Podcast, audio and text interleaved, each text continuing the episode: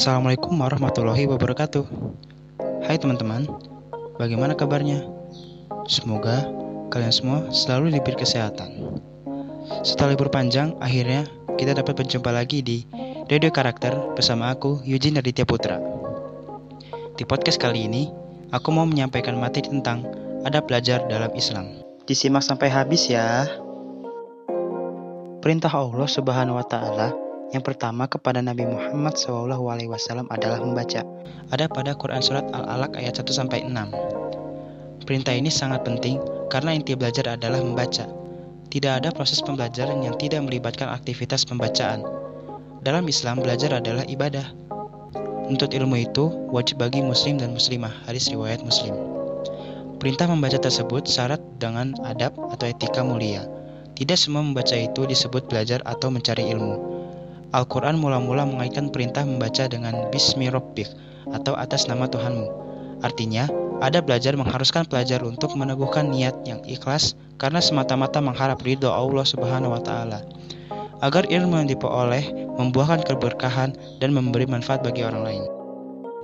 Imam Syafi'i menegaskan bahwa ilmu itu bukan yang dihafal dalam pikiran, tetapi yang bermanfaat dalam perbuatan.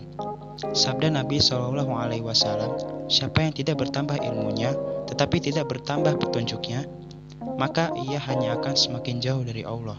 Hadis riwayat Ad-Darimi. Belajar menuntut optimalisasi kecerdasan, kesungguhan, ketekunan, dan kesabaran karena belajar itu bukan merupakan proses yang instan, tetapi memerlukan kerja ikhlas, keras, dan cerdas. Imam Syafi'i pernah bersyair, engkau tidak akan memperoleh ilmu kecuali terpenuhinya enam hal, yaitu kecerdasan, antusiasme, kesabaran, bekal yang cukup, bimbingan guru, dan waktu yang lama.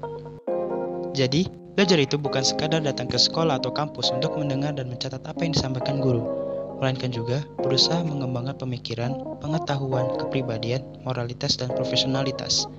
Karena belajar itu ibadah, maka menurut Imam Ja'far As-Sadiq, Belajar itu harus dimulai dengan taharoh atau pembersihan diri dan berwudu agar terhindar dari godaan setan. Adab lainnya adalah menghormati guru dan ulama. Seorang pelajar juga dianjurkan untuk berlapang dada atau toleran dalam menghadapi perbedaan pendapat dan pemikiran. Nah, itu tadi penjelasan dari adab belajar dalam Islam. Semoga bisa bermanfaat bagi teman-teman semua. Tetap stay tune di Radio Karakter biar nggak ketinggalan podcast dari kita.